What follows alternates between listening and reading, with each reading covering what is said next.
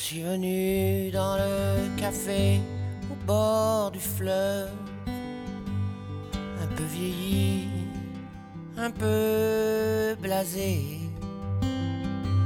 J'ai mal dormi dans un hôtel aux chambres neuves.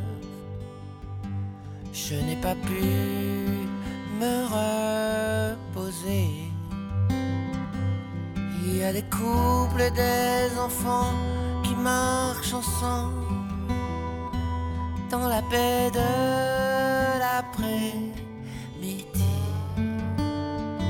Il y a même des jeunes filles qui te ressemblent dans les premiers pas de leur vie.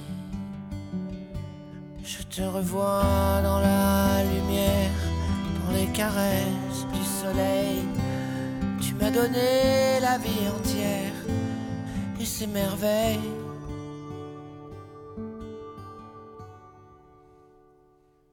Je suis venu dans le jardin où tu reposes, environné par le silence. Le ciel tombait, le ciel se couvrait de roses. Mal de ton absence. Je sens ta peau contre la mienne. Je m'en souviens, je m'en souviens. Et je voudrais que tout revienne. Ce serait bien. Ce serait bien.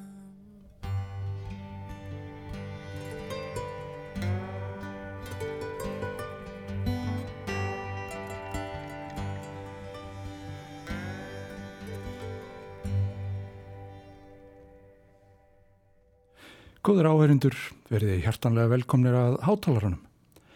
Franski gítarleikarin og söngvarinn Jean-Louis Aubert flutti fyrir okkur lagsitt um november sem hann samti við texta landasins Michel Houyebeck fyrir plötuna Le Paras du Vide 2014.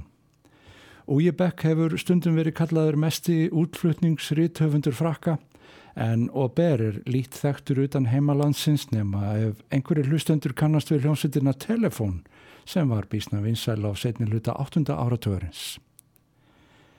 En nóvember listi hátalarans freistar þess að leita upp í litbreyði höst tónlistarinnar með listafólki sem syngur og trallar á öðrum tungumálum en ennskunni sem er allt um líkjandi. Rúmlega einni kynnslóð á undan Ujebek og Aubert var söngkonan og lífskunstnerinn Juliette Greco.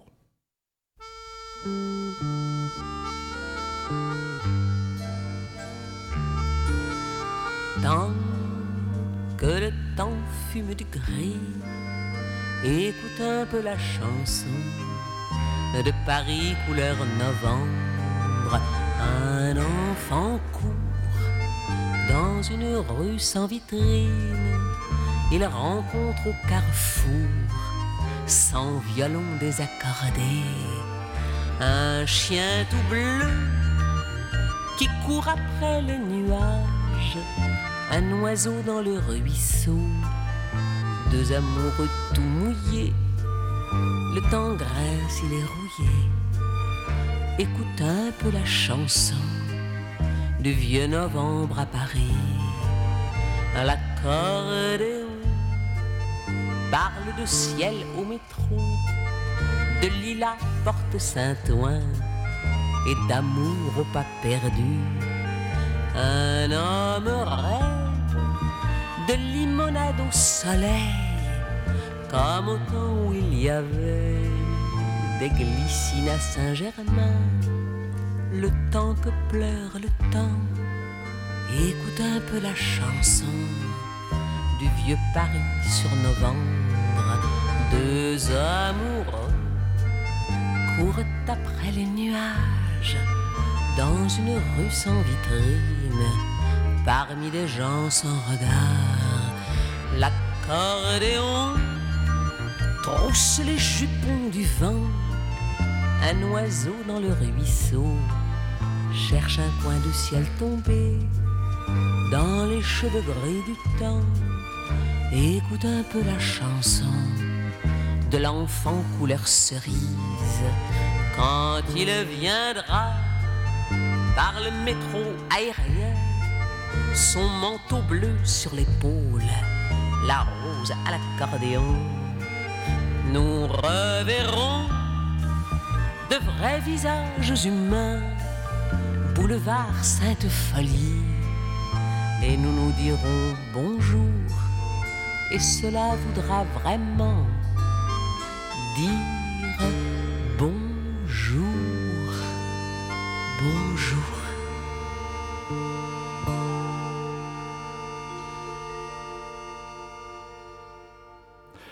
Já,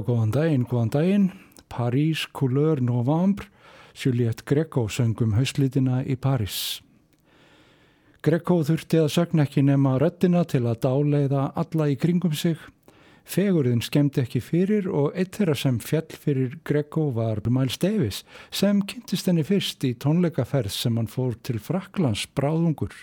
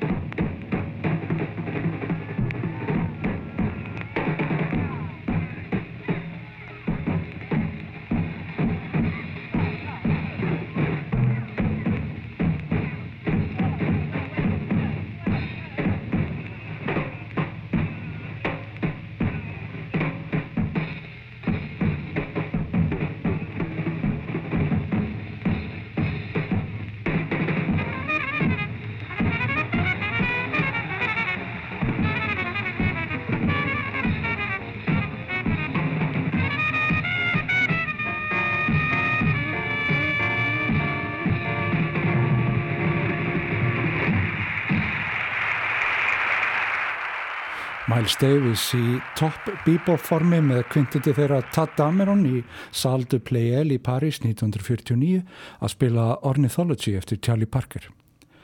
Og það hefur líkast til verið einmitt á þessum tónleikum sem Juliette Greco fjell fyrir trompetleikarunum unga og þau áttu eftir að vera í nánu sambandi upp frá því, þrátt fyrir að vera bæði gift öðrum.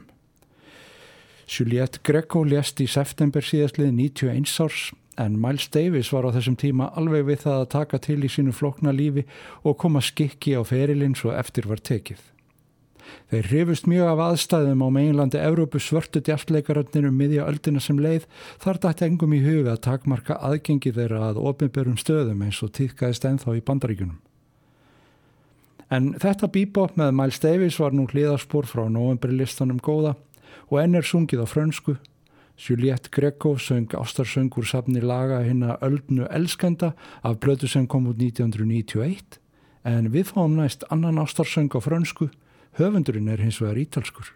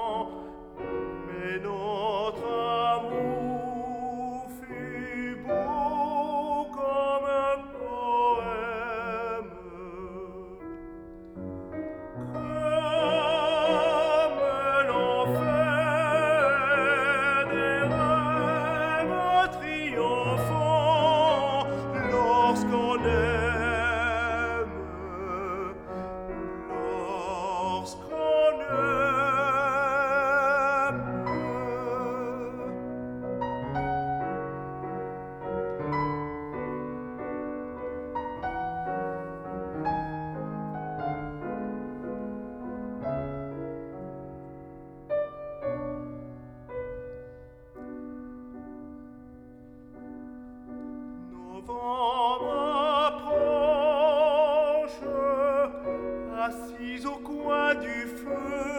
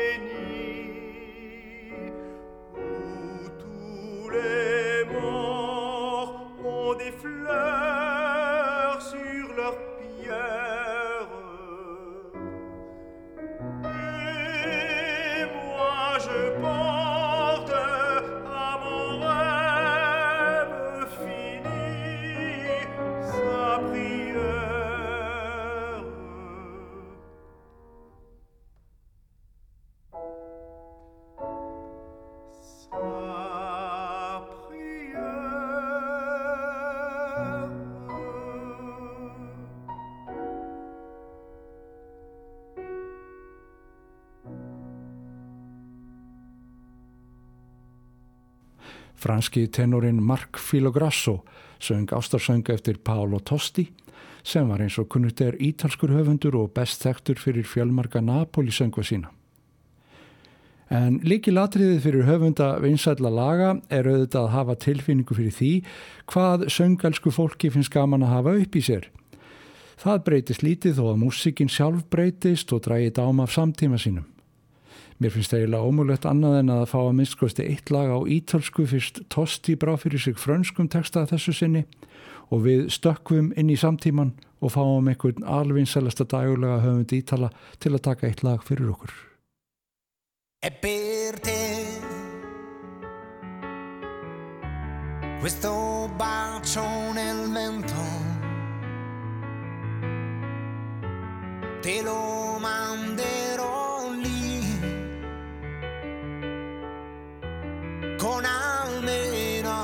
cento. È per te. Forse non sarà molto. La tua storia lo so. Meritava più ascolto. E magari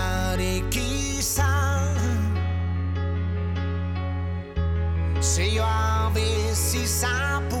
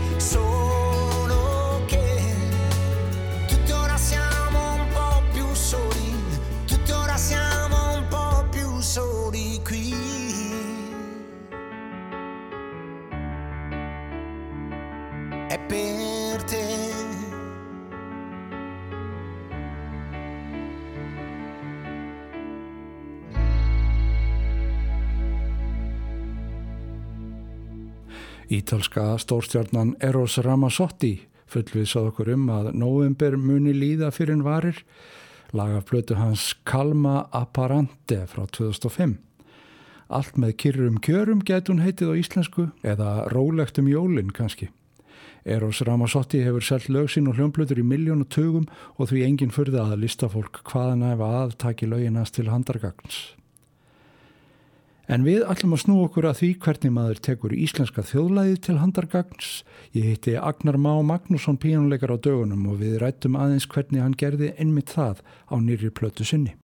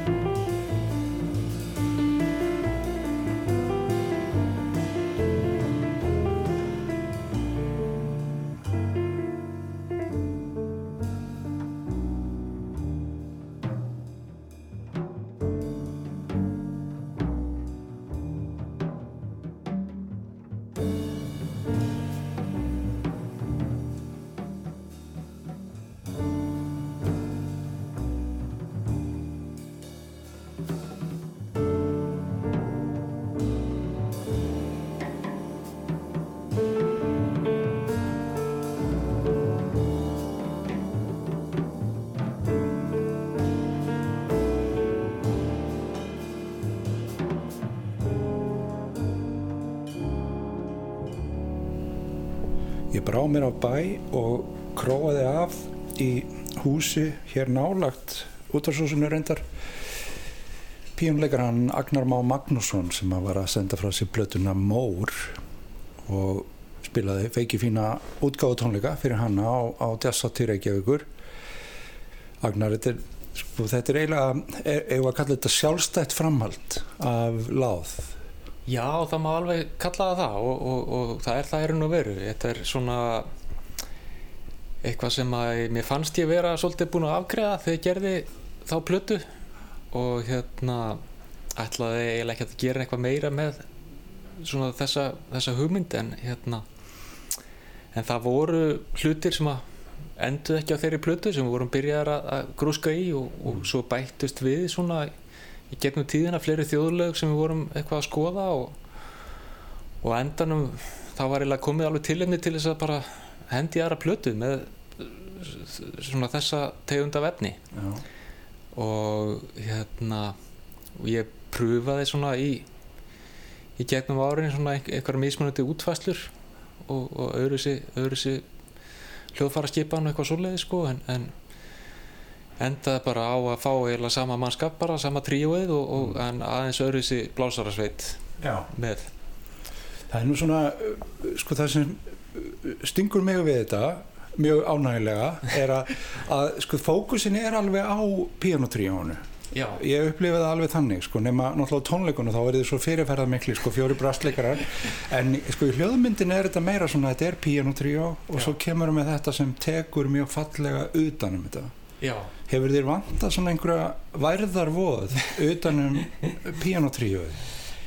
Eh, góð spurning. Eh, þetta er hérna svona hluta til það að ég bara hef mjög gaman að því að skrifa svona fyrir eitthvað annað heldur en piano eh, og ég held sko þetta var nú eiginlega svona hálger frumraun hann með láðinu að, að, hérna að ég fór að gera einhverja svona hluti og, og setja eitthvað svona með píanotríun og þar var vissulega eins og að þessari plötu algjörlega tr- tríóið í forgrunni og, og snýrist, snýrast upptökutinu náttúrulega mestu leiti um að fá góð, góða tökur með píanotríónu og, og, hérna, og það er eitthvað sem myndi standa alveg hvort sem að þeir skrifað eitthvað ofan að það ekki uh, að, Já, af hverju ég gerði það þá og aftur núna uh, ég svona ég veit ekki, mér langaði bara að fara eitthvað lengra með þennan hljóðheim einhvern veginn og, og einhvern veginn reyna að, að uh, svona innvinkla einhvern ég, veist, ég var að hlusta eitthvað ég man að sínum tíma á Jón Leifs og svona e e eitthvað að reyna svona að krafs ofan í alla mögulegar hérna rætur í íslenskri músík og hérna og, og sjá hvað þetta kæmi allt og, hérna og það er kannski svona svipa sem er í gangi núna að, að hérna og, og þessin er þessi titill sko, Mór. Og þessi blásarsveit núna hún er ekki síðu hjartengt þrjú hotn og, og túpa og, og hérna þannig að mér fannst það bara finnst skemmtilegt einhvern veginn að fá eitthvað svona sound eitthvað svona organic sound með tríónu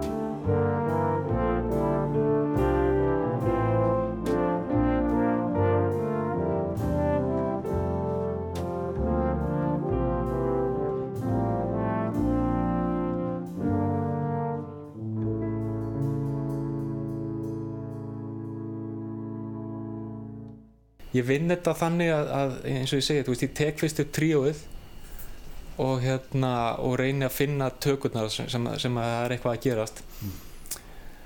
Síðan bara leggst ég í smá ja, heilmikla vinnu þar að segja ég, fer með þetta inn í tölvuprógram og, og, og, og finn út tempóð sem við vorum að spila á. Já. Og síðan bara ger ég alls konar tilraunir með, með að, að, að skrifa ofan á og, hvernig það hljómar með þannig að ég, þetta er alveg ég er búinn að vera í heilmikilli vinnu eftir á að hérna að, að skrifa þetta og, og, og ég veit um alveg nákvæmlega hvernig það á að sanda þetta þegar við förum með þetta í stúdíu og tökum upp Já. eftir á. En já, en þú ert sem sagt, þú ert ekki búinn að þessu þegar þú tekur upp nei. þannig að þá ert eftir að gera, Já, já, ok. og það var eins í hittskiptið. Og, og hérna og ég var eiginlega svo ánægð með það þá að því að, að því að maður einhvern veginn maður getur alveg gert tilraunir sko með það. Já, maður getur svona pröfað pröfað alls konar hugmyndir áður en maður fer síðan í stúdíu og, og allt þarf að gerast á núleitni einhvern veginn sko, þetta er svo fljót, fljót tíminn er svo fljótur að, að fara frá manni í svona vinnu en ef maður er bara rólega þetta um heima sér þá getur maður leift sér að, að, hérna, að pröfa alls konar rætsetningar og, og sjá hvað maður vill heyra já. svona með En sko, þetta með, með þjóðlögin, þú segir þú ert að leita að einhverjum svona, já, hvað, hvað löfum við það, einhverjum kjarna í svona okkar tónlistarlegu tilveru. Já. En hvað, er, er eitthvað fleira svona úr íslenskum tónlistararfi sem að talar til þín? Það er náttúrulega önnur sterk hefð sem við eigum sem eru svona sönglögin íslensku. akkurat Er, er þetta eitthvað að leita fanga víðar? ekki enn sem komið er sko Ég er að rukkaðu um nýja plötu.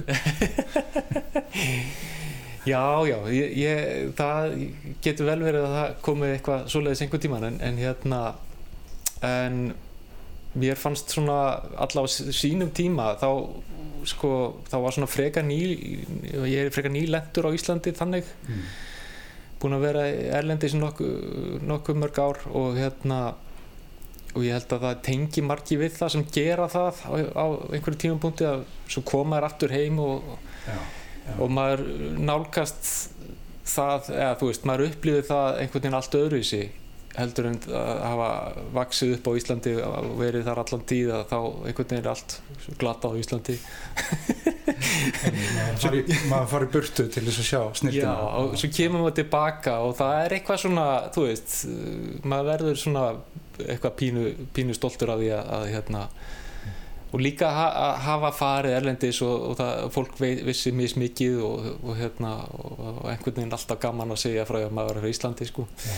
Þangað til að einmitt stutt eftir að þessi plata kom út þá uh, erum við valdur að, að efnaðsrunni víðar, þá var maður ekki einn stoltur. En hérna, en, en þarna var maður enda bara rosa, rosa keikur sko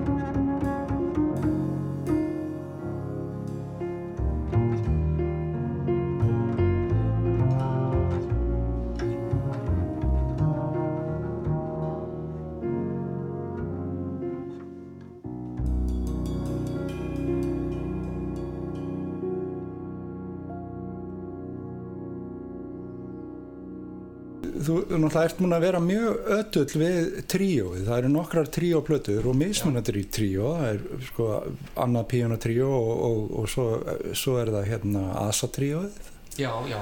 Þannig að þú ert nú daldið mikið í þessu svona er þetta mikilvægur mótleikur við það að vera til dæmis að búa til hljómsveitir fyrir stórar síningar í leikusinu e, já, já, já, já. Ég sko ég finn mig nú kannski helst í þessu að skrifa músík þú veist fyrir eða svo jazzmúsík og hérna og þá yfirleitt fyrir smærri smærri hljómsveitir. Og uh, ég svolítið skrifað líka fyrir Stórsveit Reykjavíkur sem er svona allt, allt annar vingill og, og mjög skemmtilegur.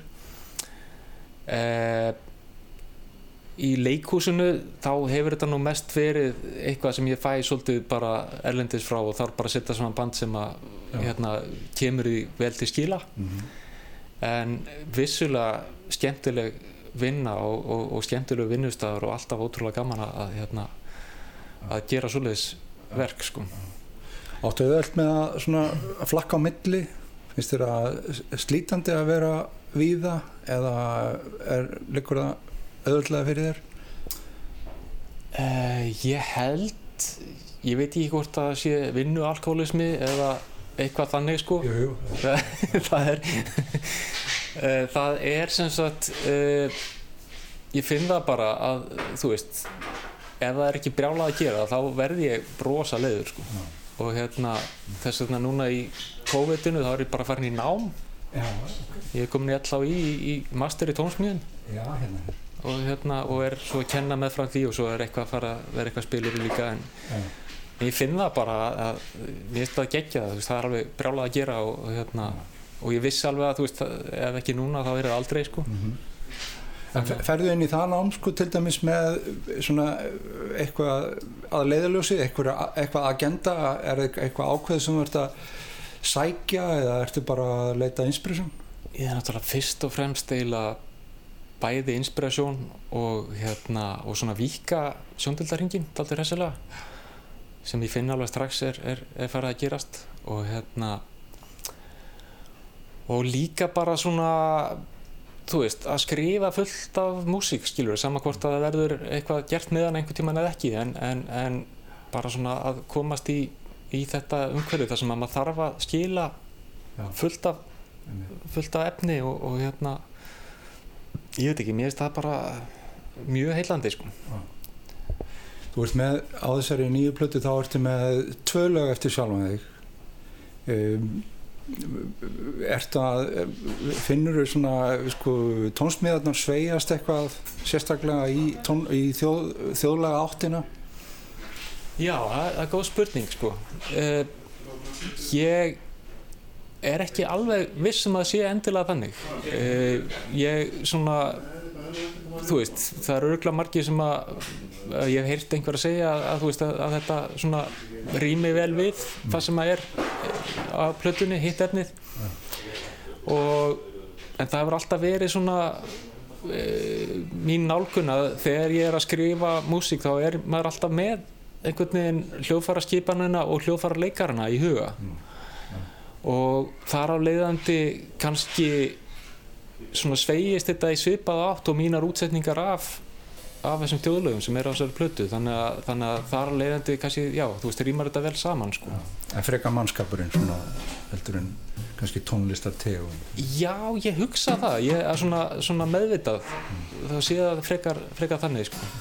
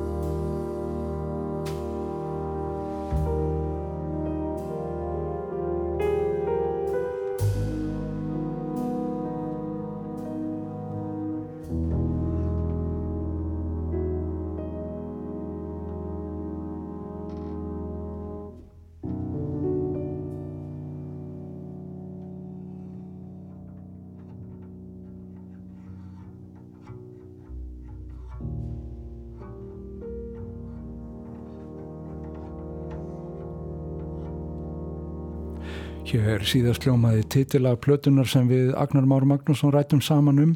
Mór heitir hún og lagið er annað að tveimur lögum eftir Agnar sjálfan á plötunni. Hitt er Svörður sem hljómaði líka hér fyrir spjalli okkar. Auk þess leikum við tvö af þjóðlögunum sem Agnar hefur útsett og endur samið eiginlega fyrir þetta verkefni. Móðir Íslands og Ísa Spöng af Andans Hil. Það eru þeir Mattias Heimstokk og Valdimar Kolbett Sigurjónsson sem spila með agnari og trommur og kontrabassa í þessu verkefni en auk þeirra er þarna kór þryggja franskra hortna og túbu mikilvægur hluti af þessari skemmtilegu hljóðmynd. En við látum hér við sitja í hátalara þessa mánudags. Ég kveði ykkur með lægi sem er einmitt af margnemdum novemberlista þáttarins. Hér er leikið á sög með hrjúfri röttu Tom Waits, lægið úr Black Rider hans frá 1993. Takk fyrir að lusta. Shadows, no stars. There's no moon and no cars. November.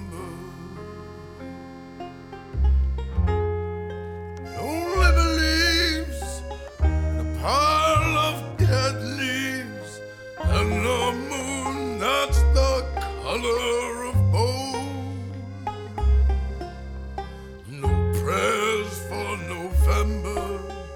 to linger longer. Stick your spoon in the wall and we'll slaughter them all. November has tied me to an old dead tree. Get word to April to rescue